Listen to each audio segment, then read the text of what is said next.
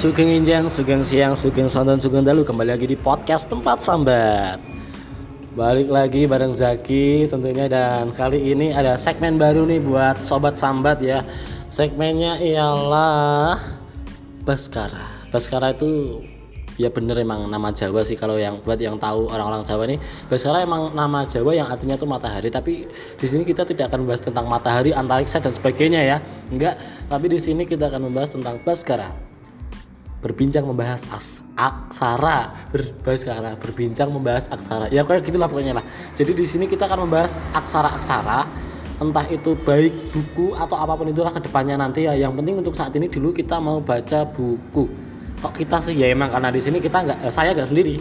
Saya ditemenin eh, seseorang yang tanpa seseorang ini saya nggak akan kenal podcast. Saya nggak akan uh, maksudnya belajar podcast dan pokoknya tanpa ada orang ini kalian nggak akan dengerin podcast ini. Nggak ada yang namanya sobat sambat nggak ada. Jadi kita buat buat kalian yang lagi dengerin beri tepuk tangan yang meriah untuk uh, seseorang yang selalu membuatku bahagia saat ini. Ya silakan memperkenalkan diri. Oke baik, perkenalkan nama saya Desi Fitri Anggreni. Di sini saya akan menjadi partnernya uh, panutan kalian ini. ya partner ngobrol lah maksudnya dalam segmen Baskara inilah. Dan kali ini kita mau bahas bukunya siapa nih yang perdana nih? Ini ada bukunya Bangga Bear, judulnya Menjelang Petang. ya namanya bukunya. Ini sebenarnya tuh bukunya banyak sih edisi tapi yang mau kita bahas tuh yang ini karena ini juga yang bisa dibilang yang viral untuk eh, tahun inilah.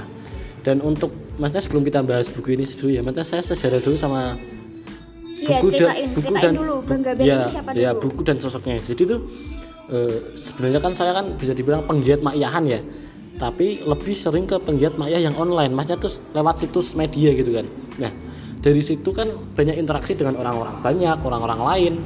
Dan eh, waktu itu itu tuh ngepasi opo nah aku lali ya. Apa ya pokoknya tuh waktu itu ya eh kayak ada event dalam makyahan gitu pokoknya ada sesuatu gitulah. Terus dari event itu tuh eh aku tuh kenal dan paham sama eh maksudnya tuh mengenali IG-nya dulu. IG-nya Bangga dulu belum tahu bukunya. Jadi tuh IG-nya iya makasih oke tadi eh, karena kita lagi lagi di rumah makan juga kita tadi ada kentang datang. Kentang datang. Lanjut lanjut. Oke lanjut. Jadi tuh aku tuh pertanyaan tuh eh, pertama tuh bukan kenal bukunya dulu tapi itu dari komik-komiknya yang dia bikin di IG. Jadi tuh di IG-nya kalian bisa cek di @banggaber. Nggak ada spasinya. Banggaber gitu aja. Dan G-nya itu G-nya itu ada dua banggaber gitu. Kalian bisa cek itu karena dari dari pos-posan yang di IG-nya itu apa sih gimana ciamik banget lah pokoknya lah. Berarti emang dia bikin konten yang ilustrasi gitu ya? ya ilustrasi terus kata ilustrasi terus kata. Tapi dari backgroundnya itu dari bukan literasi dulu tapi dari apa ya dari gambar dulu dia suka gambar terus disisipi kata-kata yang backgroundnya tuh bisa dibilang literasi juga tapi lebih ke kayak pelajaran hidup. Iya enggak, maksudnya enggak enggak yang kayak katakanlah kalau literasi mungkin kayak Zari Hendrik gitu kan atau siapa pun itulah banyak lah. Yang platformnya tuh yang IG kan sekarang kan banyak ya? Iya. tapi itu enggak enggak yang masa tuh puisinya yang enggak kayak susah untuk dipahami yang enggak susah untuk dicerna yang enggak kayak apa bersembunyi di balik kata gitu enggak tapi itu simple ngena gitu aja ilustrasinya ngena kata-katanya sedikit dan ngena pokoknya saya banget lah pokoknya lah Iya, terus aku tuh baca ternyata tuh Bang Gaber ini mm, mulai menggambar itu karena dia tuh punya kesulitan berkomunikasi dengan orang. Terus maka dari itu karena dia bisanya cuma gambar, jadi dia ingin menyampaikan apa yang dia sampaikan dia sampaikan itu melalui gambar Mm-mm. kayak gitu. Oke, gitu itu juga salah satu info buat kalian yang pengen kenal Bang Gabriel lebih dalam. Dan dari itu kan aku ya itu aku follow tuh sekarang tuh dari buku ini ada ya. Itu aku udah follow sekarang hampir setah, setahunan lah. Setelah itu setelah setahun dia tuh kayak ya kayak nyeletuk nyeletuk gitulah masa kayak gimana kalau dibikin buku gimana kalau dibikin buku ya banyak followersnya yang setuju akhirnya dibikinlah buku ini buku Bang Gaber ini ya nah Eh, jadi nanti di sini pokoknya kita akan kayak bisa dibilang mungkin mereview tapi tetap kita ambil beberapa kata-kata dari kan ini kan di bukunya kan ada keterangan kayak gimana ya? Yes, halam bukan halaman sih tapi setiap satu muka itu ada kata-kata sama gambar ilustrasi yang bisa dibilang ngena banget juga lah ya. Dan kita sudah memilih beberapa dari Neng Desi sudah juga sudah memilih saya juga sudah memilih. Udah ya kayaknya gitu dulu aja. Kayak masnya bincang-bincang tentang Bang Gaber itu siapa dan eh, dia tuh btw dia tuh ilustrasinya tuh maksudnya gimana ya kalau dari se- sebelum kita bahas tentang kata-katanya ya saya tuh kalau lihat gambarnya itu ya saya tuh paling salut tuh ketika lihat mukanya maksudnya tuh mukanya? coretan di mukanya tuh sebenarnya tuh simpel men Iya, cuma cuma banget. cuma alisnya cuma set set terus apa namanya hidungnya cuma wok wok wok wok cuma matanya cuma wok tapi tuh dia tuh dalam mukanya tuh bisa mengekspresikan ekspresif begitu Iya, ya. ekspresif gitu kayak Heeh. ih gila temanku aja yang bikin muka biar kelihatan ekspresif dalam sebuah gambar ilustrasi aja susah men dia dia tuh bisa mengilustrasikan muka loh katakanlah takut tadi terus Iya, apa iya. gitulah dia ah, gokil pokoknya tuh waktu pertama tuh dan unsur-unsur budaya gambarnya tuh pasti tuh ada filosofisnya Iya, iya, gitu loh bener-bener. filosofisnya gitu keren pokoknya tuh paling aku salut sih di raut mukanya itu sih Iya. Raut mukanya jujur kalau aku nggak tahu sih tapi kan kamu juga backgroundnya kan gambar ya kamu Iya. dulu di apa SMK-nya tuh Animasi. animasi kalau kamu dari gambar dulu kita bahas gambarnya dulu gimana menurut gambarnya Iya, ini tuh gambarnya sebenarnya sederhana, cuma dia tuh bisa gimana ya menyampaikan ekspresinya tuh dengan tepat banget gitu loh. Iya, iya. Kayak misalkan dia kaget atau kayak cuma ya raut muka eh, mimik iya, gitulah ya Ekspresinya itu tuh Mm-mm. kena banget sih, walaupun cuma simpel sebenarnya. Ini cuma coretan-coretan aja bener.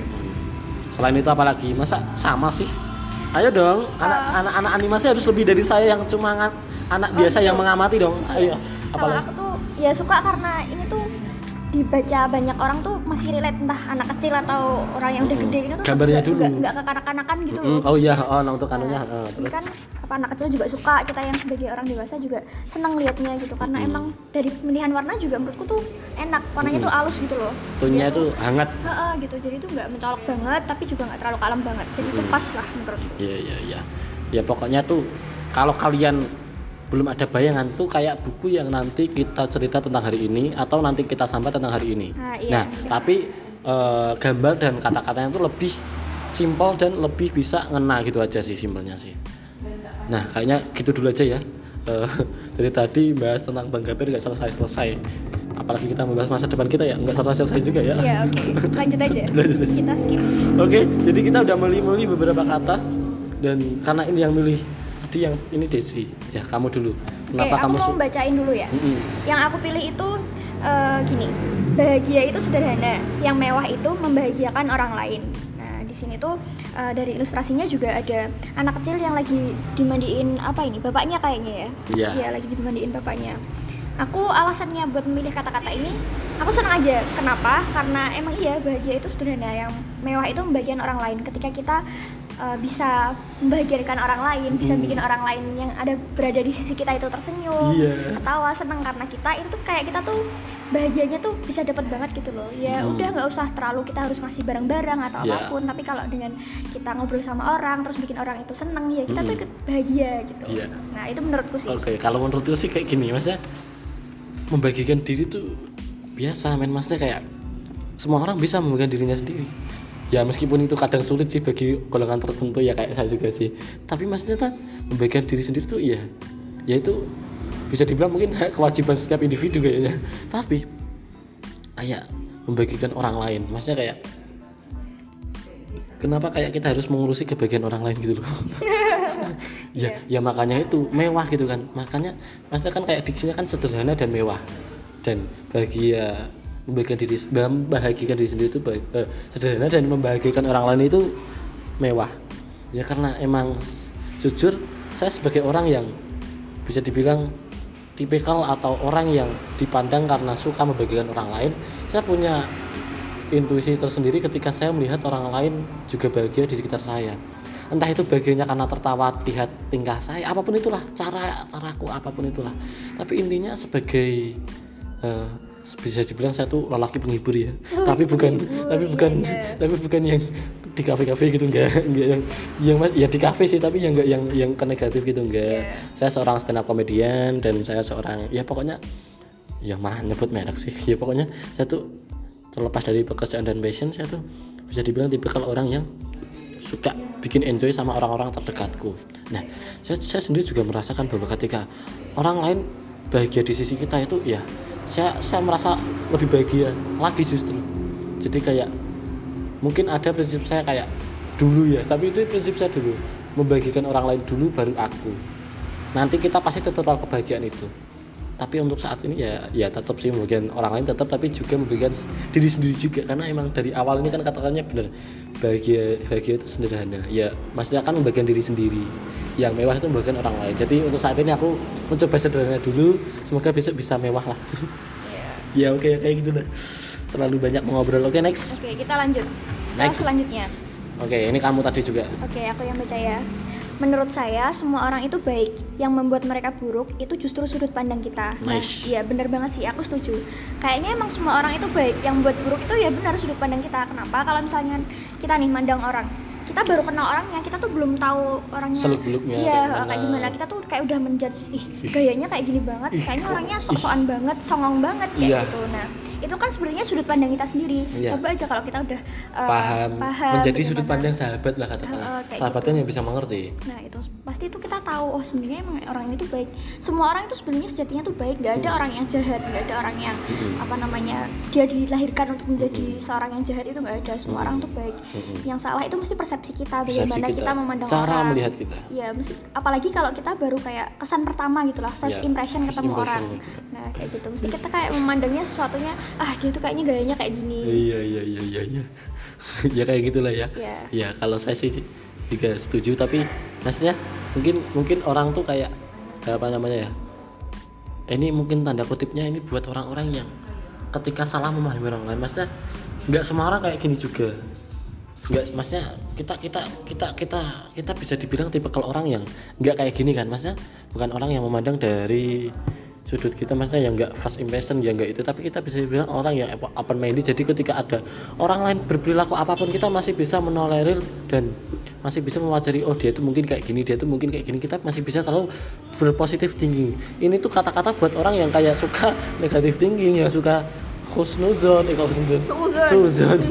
Ya kayak gitu. Jadi itu buat kalian yang suka kayak gitu maksudnya eh ya menurut kita kan ini nah menurut kita tuh semua orang tuh baik. Yang membuat buruk tuh sudut pandang. Jadi buat kalian yang suka ya semoga nggak suka sih tapi intinya yang kadang kala seneng apa? Menilai orang buruk seseorang gitu. menilai seseorang dengan menjas dengan seketika tidak ada eh, masa di cross check dulu kayak atau apa kayak atau gimana kayak eh, mencobalah untuk mengurangi itu dari itu dulu aku pernah pernah biasanya tuh aku dulu pernah bilang gini eh, jangan apa kamu hanya kamu hanya tahu namaku tapi tidak dengan kisahku kamu hanya tahu namaku tapi tidak dengan kisahku jadi jangan berbicara apa pun tentangku jika kau hanya tahu namaku tidak dengan kisahku paham nggak Iya, paham. iya jadi kayak kamu kemarin menjas aku bahwa aku orangnya apa tuh namanya tuh uh, awal sekarang songong gitu gitu padahal kan Iya. enggak kan iya Iya, bener banget. iya iya iya iya. karena uh, kita tuh nggak tahu latar belakangnya sebenarnya kayak Iya, gimana. maksudnya- Di balik itu semua tuh sebenarnya kayak gimana. ya makanya kata-kataku tuh jangan eh apa apa mau jika kau hanya mengetahui apa aku, aku, aku tadi bilang apa lupa Iya, pokoknya jangan tahu sekedar kalau jangan tahu namanya aja, harus tahu kisahnya apa gitu. Ah, aku lupa bilang apa tadi ya pokoknya yang tadi ya Iya, lanjut. Ah, ah, oke lanjut kayak gitu makanya Mana mana. ini dong kenapa tinggal kan ini kan tinggal ada Oh, iya. batasnya ya elah oke next eh ini yang ini deh nah ini kamu lagi Oke, kenapa kenapa aku percaya bahwa Tuhan itu maha pengasih dan penyayang? Mm-mm. Karena Dia memberikan saya ayah ibu, eh saya ibu dan ayah yang hebat. iya itu itu adalah secuil ayo lanjutin kamu Iya, dong aku aku terharu suka terharu kalau ngobrolin soal ibu dan ayah. iya iya terharu Iya, aku tuh baru baca, baru nemu kata-kata ini. Maksudnya tuh, ya sebelumnya mungkin kayak egoku tuh tinggi soal orang tua kan. Tapi kan Hmm. setelah membaca ini tuh bener, aku tuh punya ayah dan ibu yang hebat gitu. Jadi makanya aku ngerasa Tuhan itu benar sayang sama aku karena aku diberikan kedua orang tua yang sangat hebat. Ya sampai saat ini tuh aku dibimbing sampai sejauh ini mau menerima aku. apa adanya Iya, Iya. iyalah anaknya. iya iya iyalah Iya, anaknya gitu kan Pokoknya tuh aku ngerasa aku tuh disayang banget sama Tuhan karena selain orang tua, aku dikelilingi orang-orang yang sayang sama aku. Termasuk kayak aku. gitu. Iya, nggak tahu deh. iya kan aku sayang kamu Iya, oke. Mari kita lanjutkan saja. Pendapatmu deh, Oh pendapatmu iya iya. soal ini. Iya. Maksudnya tuh aku tuh aku tuh aku paham ini tuh sebenarnya tuh kayak cuma bukan berarti kalau aku bahas dari sisi kata ya aku aku ki pers- aku, aku ki percaya aku ki percaya Gusti Allah kuwi maha pengasih dan penyayang karena memberikan ibu dan ayah kayak pengasih tuh ibu penyayang tuh ayah maksudnya mungkin bisa dibilang tuh sebenarnya tuh kayak susunan kalimatnya tuh cuma kayak gitu tapi karena pengasih dan penyayang terus karena dia memberikan dan gongnya tuh yang di ibu dan ayahnya. Pasti kayak ma- seumpamanya nih kata-katanya diganti nih. Aku percaya tuh bahwa Tuhan itu maha pengasih dan penyayang. Nyatanya dia memberikanku eh, pacar yang menyayangiku. Itu tuh nggak nggak nggak maksud tuh nggak Iya, nggak kena. nggak kena. Tapi ketika ini tuh Ibu karena dia memberikan ayah dan ibu yang hebat nah, nah, Nah, itu jadi tuh. beda kan nah itu maksudnya tuh. Jadi tuh dia tuh ya kayak gitulah pokoknya lah paham lah Iya, lanjut iya lanjut. lanjut sebentar ini agak kandel ini Kandel apaan? eh kandel ki ketut ketut Oke. ketut Nah ini, semakin aku tahu maka semakin aku merasa bodoh, boro-boro sombong. Nah ini nih, biar kita tuh Iya. uh, bisa merendah lah. Soalnya kan apa ya, kalau mungkin sekarang bagi kita yang ngerasa ah aku udah bisa kayak gini nih, aku Mm-mm. udah sampai di titik ini nih, Mm-mm. aku udah lebih keren dari teman-temanku. Mm-mm. Padahal belum tahu di Belum luar tahu. sana Masih kalau dia banyak. ketemu orang baru, ketemu orang yang lebih jago dari dia, kita ini akan ngerasa ih aku Kecil. tuh apa sih? aku ki opo sih aku tuh bagi mereka tuh apa masih Mm-mm. banyak Mm-mm. ternyata di luar sana kalau kita tuh kayak berpetualang lah di Iya. luar sana kita tuh ketemu orang-orang Mm-mm. baru kita kayak ngerasa ih aku tuh apa sih yang mau Mm-mm. disombongin dari aku mungkin di sini di lingkup circle kalian mungkin kalian paling wow paling, Iya, paling keren, keren, paling sangar paling, paling hebat bisa gitu. tapi kalau kalian keluar dari zona kalian coba deh kalian akan melihat sesuatu yang baru dan Iya, membuat kalian merasa merasa kerdil kecil banget. kerdil banget nggak ada yang bisa disombongin kalau Iya. misalnya udah kayak gitu ya makanya tuh kalau biasanya kan bukan biasanya sih tapi biasanya kan orang-orang dari backgroundku maksudnya orang-orang pesantren itu suka bilang eh maksudnya puncak dari mempunyai ilmu adalah saat eh, dia merasa kayak nggak nggak punya apa-apa nggak ada ilmunya. Karena maksudnya ketika kita waktu kan biasanya kan fasenya kan orang itu kalau fasenya kan dari kepo dulu. Setelah kepo dia tahu dan setelah tahu dia tuh kayak biasanya tuh songong-songong dulu setelah punya ilmu setelah punya apa dia tuh biasanya songong-songong dulu. Terus setelah dia kayak gitu fasenya itu bakal ke ke menyadari bahwa aku tuh cuma sebenarnya tuh punya ilmu segini punya pengetahuan punya skill punya apa pun tuh cuma segini. Nah itu yang dari background kayak gitu. Co- coba kita mau apa ya namanya ya mau lebih lebih meluas lagi. Ya memandang dunia ini tuh Memandang dengan lebih luas lebih- lagi. lebih, jangan iya. sempit. Di luar kotak tuh masih ada banyak banget uh, orang-orang yang lebih hebat dari kita. Jadi jangan ngerasa sombong dulu sama orang lah. Mm-mm. ada kata-katanya tuh yang judul buku itu apa jangankan untuk jangankan merasa bodoh. Eh jangankan merasa pintar? Bodoh pun aku tuh tak punya. Iya itu bukunya harus Matahari iya iya. Iya. ya kira kayak semi-semi hampir sama kan? Iya bener kata-katanya ini kan. Oke. Lanjut lanjut. Next. Ini dong kamu dong yang baca Oke. Dalam bekerja sebenarnya bukan cuma uang yang kita dapatkan. Di dalamnya ada ilmu yang bisa kita curi, lalu memanfaatkan dan keduanya bisa jadikan bekal, bekal kita di masa depan. Jadi itu kayak kalian cuma kalau cuma memandang kerja cuma sebatas pekerjaan itu menurutku salah.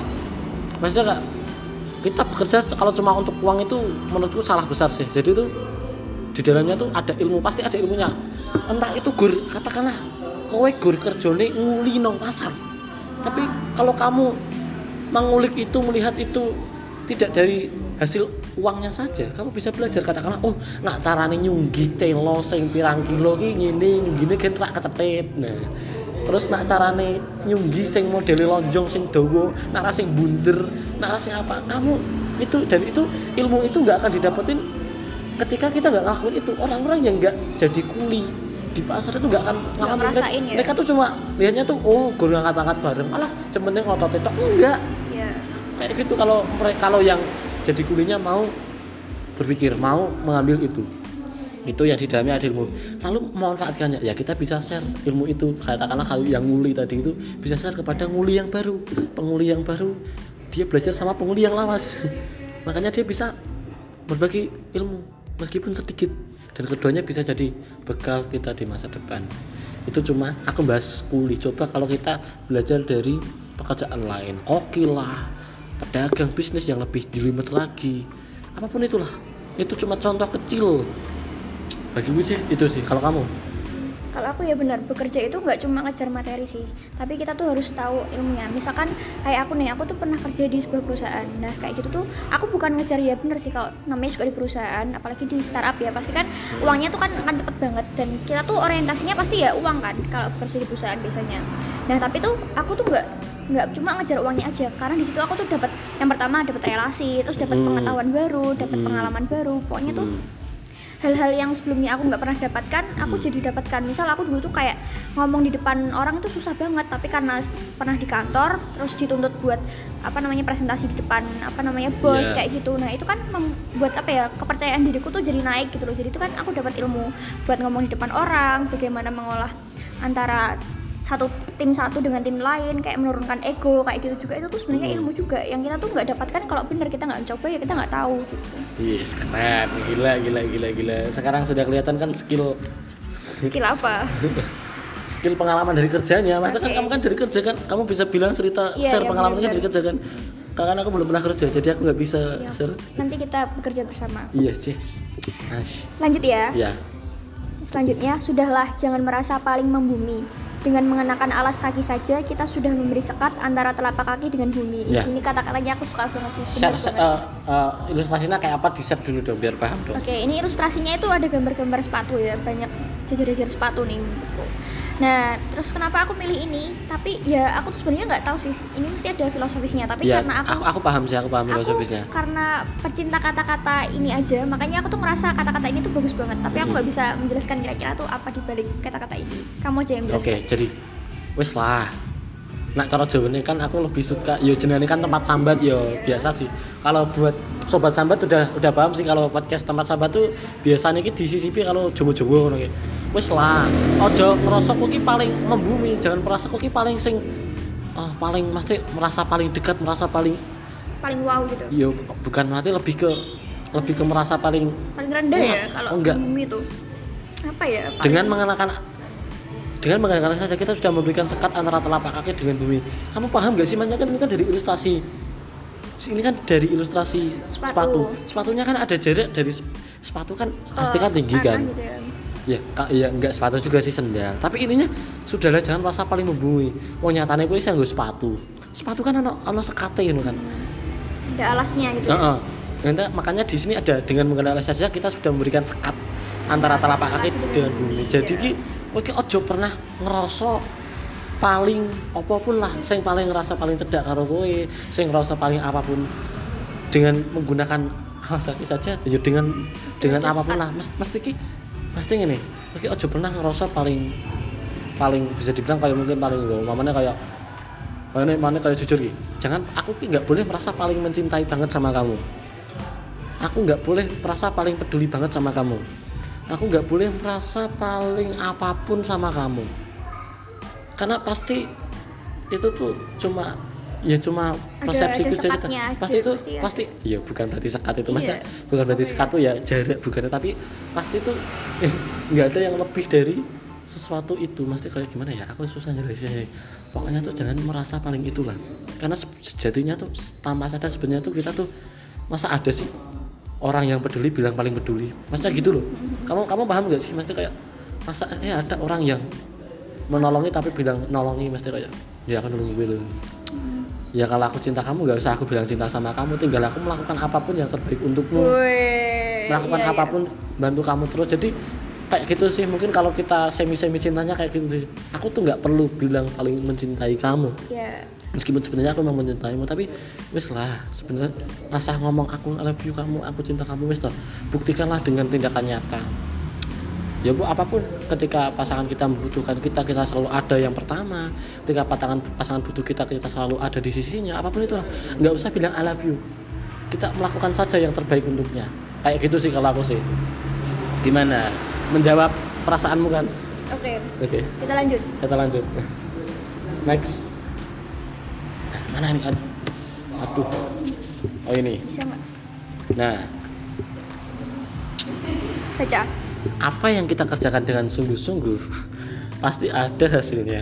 Tapi jangan mengharap hasilnya berupa apa. Rezeki bukan cuma uang eh rezeki bukan cuma berbentuk uang. Ya mungkin ini kayak kata-kata yang pekerjaan tadi sih kalau aku melihatnya. Jadi tuh ya tetap kita tuh eh, kita tuh kita kerjakan dengan sungguh-sungguh pasti ada hasilnya kok mesti ya tetap ada hasilnya. Mesti entah itu hasilnya berupa uang atau tidak. Ya kayak aku melihatnya sih bukan dalam tanda kutip kerjaan doang ya tapi kayak ke hidup ini sih. Jadi apa pun yang kita eh, usahakan dalam hidup ini eh, jangan mengharap hasilnya. Entah itu berupa impact balasan ke kita tapi ah, pasti ada yang lain kok. Ya kayak malam yang yang kayak tadi malam aku sampaikan kok. Pokoknya saya bentuk usaha saya adalah selalu memberi pada orang lain. Terserah orang lain mau meng, apa membalas apa yang saya beri atau tidak. Yang mikir impactnya biar Tuhan. Jadi kayak itu. Yang penting tuh hidup kita tuh ya sungguh-sungguh aja. Sungguh-sungguhmu di mana aja. Maksudnya eh sungguhmu tuh jalannya apa? Kalau sungguhmu di pekerjaan ya kayak kata-kata ini ya sungguhlah di pekerjaan. Karena rezekinya tuh bukan cuma berbentuk uang. Terus apa namanya? Kalau kamu sungguh-sungguhnya di bisnis ya sungguh-sungguhlah di bisnis karena rezeki dalam bisnis itu bukan cuma dagangannya laris atau apa pun itulah tapi masih banyak yang lain juga sungguh-sungguhlah di katakanlah menulis buku ya kan karena hasilnya itu bukan cuma pujian dari orang-orang yang baca buku kita terus merasa terkesan tapi itu banyak nilai lain juga ya pokoknya kayak gitu nih kalau aku lihatnya kamu Kalau aku ya sama sih. Jadi kan Sama terus. Iya kan lihat samaan. Jadi iya yang samaan kita tuh kalau mengerjakan sesuatu tuh jangan mengharap apa namanya hasilnya tuh berupa apa maksudnya gini nggak usah mulu-mulu lah jadi itu kayak kerja tadi kita kan kita kan nggak cuma dapat uang kan kita Ah. dapat saudara dapat teman baru Hmm. dapat misalkan kita kerja nih terus kita kan punya banyak teman misal kita mau pergi ke suatu tempat dan Hmm. delalah tuh kita karena kerja jadi punya teman Hmm. kita tuh bisa nih apa namanya ke tempat teman kita yang ini itu kan iya juga iya teman Iya. saudara itu Ya, kan kadang-kadang juga kerjaan dapat pacar dapat mantan dapat Iya, gebetan gitu kan kan bukan cuma uang, kita Iya. dapat banyak gitu. iya dapat banyak ya dapat gebetan dapat mantan ya Iya. Udah deh, aku mau lanjut aja. oh ini jelas ya. next Kamu kan yang milih ini? eh masa toh oh iya saat kita masih memikirkan kesalahan orang lain bisa jadi itu karena kita masih sayang sebab tingkat teratas dalam membenci adalah tidak peduli wes Dep nggak Dep nggak Berarti aku masih peduli kok. ya ya siapa juga emang aku berpikir kamu nggak peduli sama Oh, aku iya, enggak. Gimana gimana? emang kamu membenci aku enggak kan Iya. enggak eh Ya, jadi gini maksudnya. Mau Saat kita masih aku kira kamu membenci aku saat kita masih memikirkan kesalahan orang lain, Mm-mm. bisa jadi itu karena kita masih sayang. Sebab tingkat teratas dalam membenci adalah tidak peduli. Oh, itu Iya. kayak sad banget sih. Iya, emang emang maksudnya gimana? ya? Aku aku menyadari sih, Mas teh. Aku yang merasakan sendiri tingkat teratas dari membenci emang nggak peduli sama sekali, nggak menganggap kehadirannya di dunia. Keadaan. Maksudnya meskipun dia ada di dunia berpapasan dengan kita, tapi kita nggak menganggap dia ada. Wih, sakit banget. Pernah Iya. nggak kayak gitu? Eh, belum pernah sih saya. sih. Aku tuh kalau kadang itu tuh cuma karena ragu doang sama orang itu ketemu mau nyapa tuh kadang grogi ya. Tapi emang aku sih maksudnya belum pernah membenci seseorang ya. Tapi ketika kita nggak peduli itu emang puncaknya membenci sih. Jadi, nah semuanya nih kamu punya mantan ya. Kamu tuh mantanmu bikin kesalahan sama kamu, bikin kamu kecewa. Kalau kamu masih mengingat-ingatnya, kalau kamu masih terniang-niang dengan kesalahannya, berarti itu kamu masih sayang. Kayak aku sama kamu tuh. aku tuh masih sayang gitu. Tapi tapi ketika kamu sudah nggak peduli berarti kamu emang udah dalam level membenci gitu ini sebenarnya bukan kata-kata untuk motivasi tapi kayak oh emang aku tuh dulu kayak aku tuh dulu kayak gini gitu Oh gitu, itu lebih ke kamu sendiri ya. Mm-mm. terus eh, ini nih kebanyakan dari kita merasa sudah Kayak mm-mm, sudah me- merasa sudah kaya karena bisa membeli tapi bukankah seharusnya yang disebut kaya itu karena bisa memberi Nah, Nah. banget sih. jadi kalau kalau apa namanya tuh eh, kalau bagiku apa yang yang di yang bawa yang dibawa mati itu bukan seberapa banyak yang Harta yang kita terkumpul. dapat tapi seberapa banyak yang kita Kasih. kasih yang kita bagikan. Jadi itu kayak gitu sih. Jadi ya mungkin simpelnya seperti itu tadi hidup tuh bukan katakanlah mungkin bisa dibilang singkatnya kayak gini. Eh, mungkin orang-orang ngum, ngumpul ke ganjaran dengan cara katakanlah singkatnya kayak ngumpul ke duit lah ngumpul ke duit ngumpul ke duit ngumpul ke duit. Gen duitnya kayak kayak kayak kayak ngumpul ke ganjaran apa pun lah. Gen ganjarannya kayak tapi menurut saya eh daripada aku ya bener pasti ngumpul ke duit kok ngumpul ke duit. Daripada aku ngumpul ke duit mending aku bagi ke duit. Tuh, aku mau mau aku mau dibagi. eh? Aku kekurangan uang nih. ya aku nafkahi ya. Iya, siap. nice. Terus? Coming soon aku nafkahi Desi sampai mati. Weh. Soon Sorry. eh nice dari kamu gimana nih pendapatmu Aku kaya itu ketika bukan eh kebanyakan dari kita Dewi kadang ngerasa kaya ketika kita udah bisa beli apa-apa. oh bisa beli apa padahal gitu ki ya. kaya ki nak iso memberi Memberi. ya secara tidak langsung memang benar pasti ketika kita kaya pun sebenarnya juga harus memberi karena tanda memberi adalah sebenarnya juga miskin dan kaya tuh sebenarnya tuh bukan ketika harta kita banyak loh. Tapi miskin itu adalah mental kita kaya itu adalah mental kita. Kamu katakanlah kamu ya meskipun sekarang ya meskipun kamu punya uang banyak tapi kamu tuh nggak pengen beli apa-apa nggak pengen ini itu ini itu.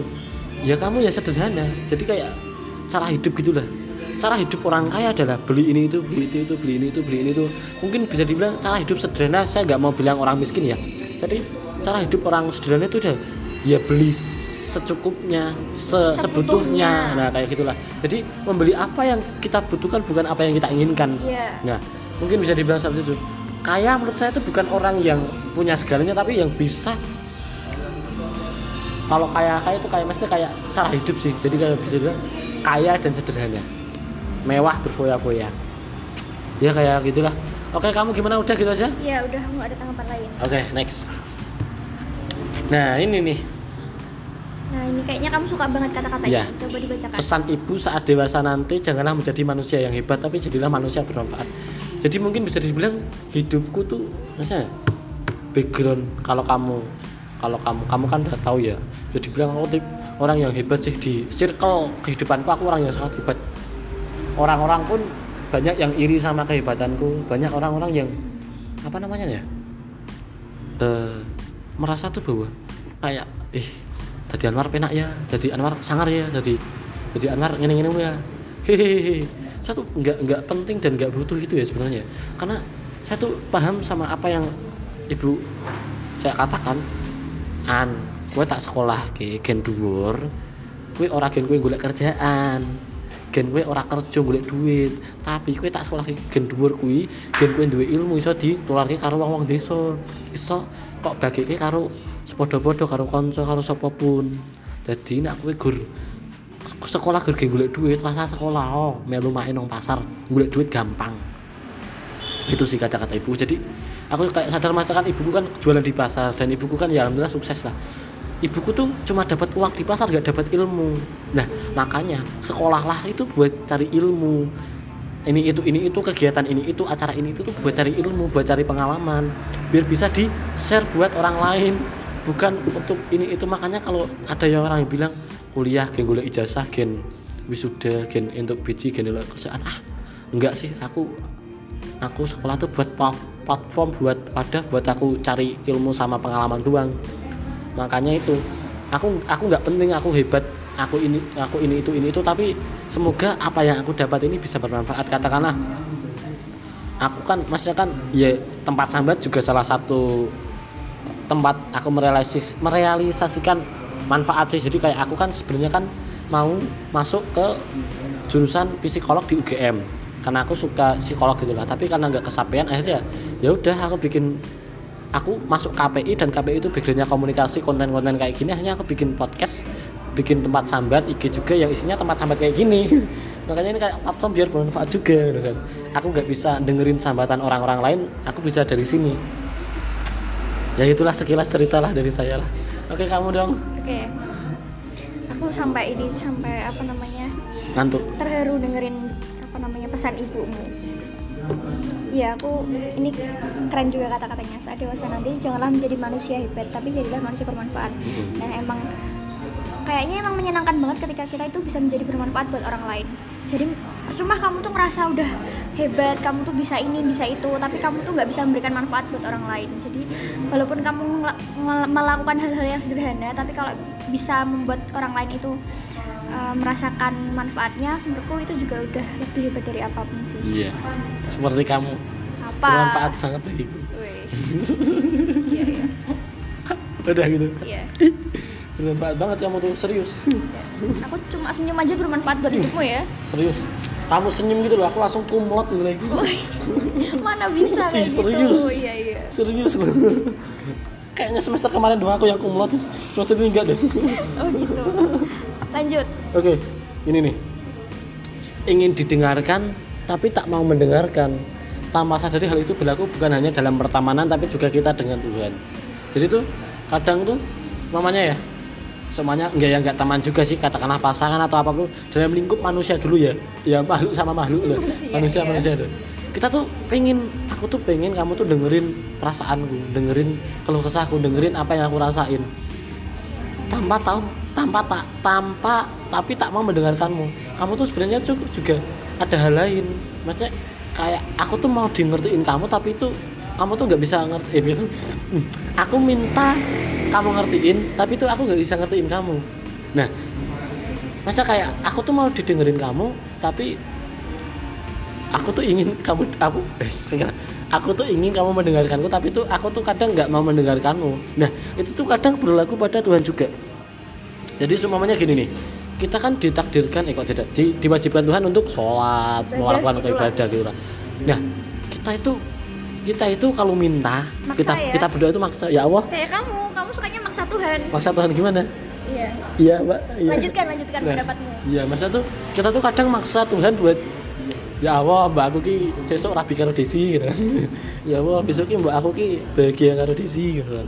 Ya Allah mbak aku sesuk ki mlebu TV gitu kan. ya maafkan dia yang bucin sekali ya Ya pokoknya ki koyo ngono lah. Tapi tanpa sadar kita tuh nggak mau mendengarkan kita tuh pengen doa kita tuh didengarkan Tuhan dan biar dikabulkan tapi tanpa sadar kita tuh Nggak ya. nggak nggak mendengarkan apa perintah Tuhan nggak kita nggak kita nggak mendengar apa yang disampaikan Tuhan Tuhan bilang janganlah kamu meninggalkan sholat janganlah kamu ini janganlah kamu itu atau lakukanlah ini lakukanlah itu. Tapi kita tuh kadang nggak mendengarkan itu gitu kan.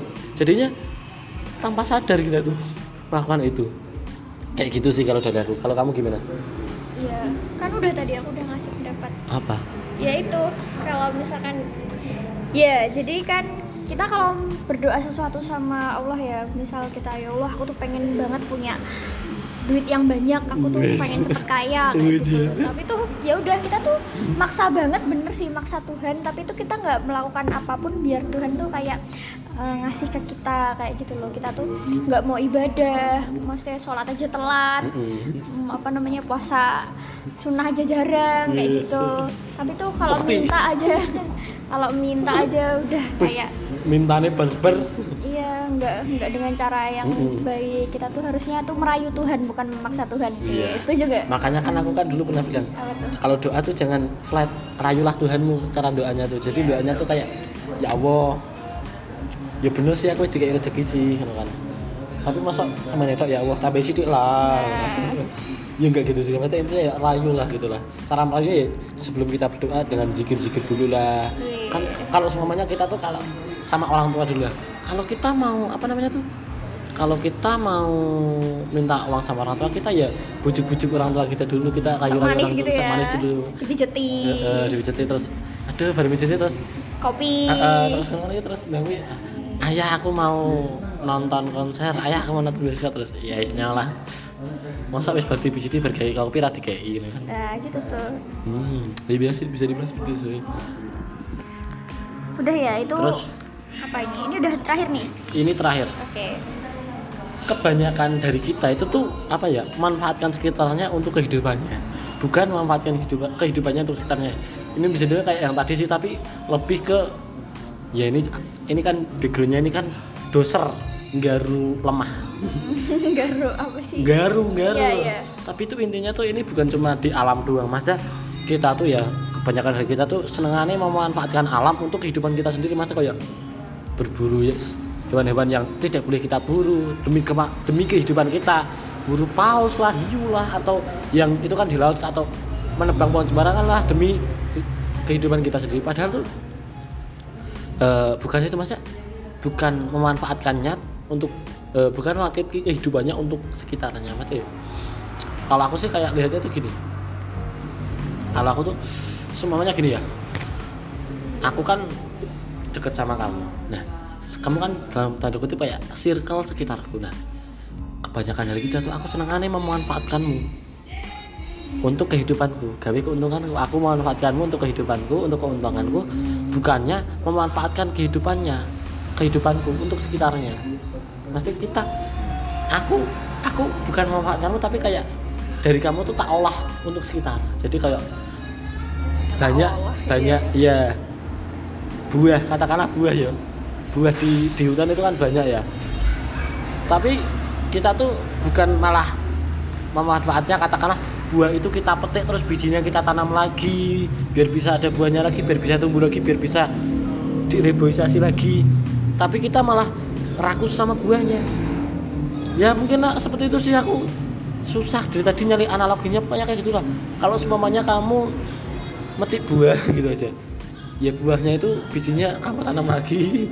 Biar kayak gitu. Pokoknya intinya kamu ambil manfaatnya untuk sekitarnya. Jangan cuma dimanfaatkan lagi untuk ke negatif tapi lebih ke dampak yang positif. Kamu gimana? Kalau aku nih aku dari kata yang awal dulu. Mm-mm. kebanyakan dari kita memanfaatkan sekitarnya untuk kehidupan. Ini tuh jadi kayak kita tuh kayak ngejar dunia banget gak sih kayak memanfaatkan sekitarnya untuk kehidupan kita kayak buat kita sendiri gitu loh kayak bener Mm. katamu kayak tadi menambang pohon itu buat keuntungan pribadi Mm. kayak gitu itu tuh kan memanfaatkan sekitar buat kehidupannya sendiri Hmm. Terus kalimat yang kedua, bukan memanfaatkan kehidupannya untuk sekitarnya. Jadi itu kayak apa yang kita kasih untuk sekitar kita gitu loh. Jadi apa yang bisa kamu berikan untuk sekitarmu. Misal kayak kamu harusnya membahagiakan orang lain kayak gitu. Jadi bagaimana kamu itu memberikan sesuatu untuk orang lain. Kalau menurutku tuh kayak gitu sih. dan wawu alam bisawab Dan akhirnya kita iya sih bentar aku kepo ini ada berapa sih? Sih bener ya. Aku aku hitung dulu. Masa kayaknya lama banget. Satu dua tiga empat lima enam tujuh delapan sembilan sepuluh sebelas dua belas. Cuma dua belas loh. Oh, kita dan 12. katanya dan katanya tuh sedikit sedikit dan ini sudah berapa menit ya ini? 12 kata yang kita ambil dan ini sudah 41 menit. Wow. tanpa sadar kan? Iya, benar sih. dan kayaknya udah gitu dulu aja. Maksudnya ini juga udah lama sih 40 menit lebih jadi makasih buat kalian yang udah dengerin sampai selesai Eh, Semoga kalian tertarik buat membeli bukunya biar Mm-mm, kalian tuh sih. bisa Mm-mm. uh, belajar lah dari ya, buku ini. karena karena kita bikin bikin Baskara ini buat teman-teman literasi biar ada pemahaman eh apa iya Keinginan lah. referensi baru Mm. referensi baru jadi eh, kayaknya udah dulu gitu aja lah masa ini udah udah lama lah, kasihan paketannya mereka habis deh Oh iya, oke, Iya. oke. dan Kita buat lanjut buat mm, buat kalian mm, buat kalian yang pengen nimbrung bareng ngobrol soal buku bisa DM di tempat underscore sambat. Kalau kalian mau saran bukunya juga bisa. Eh kak eh, besok bahas buku ini dong. Oke siap.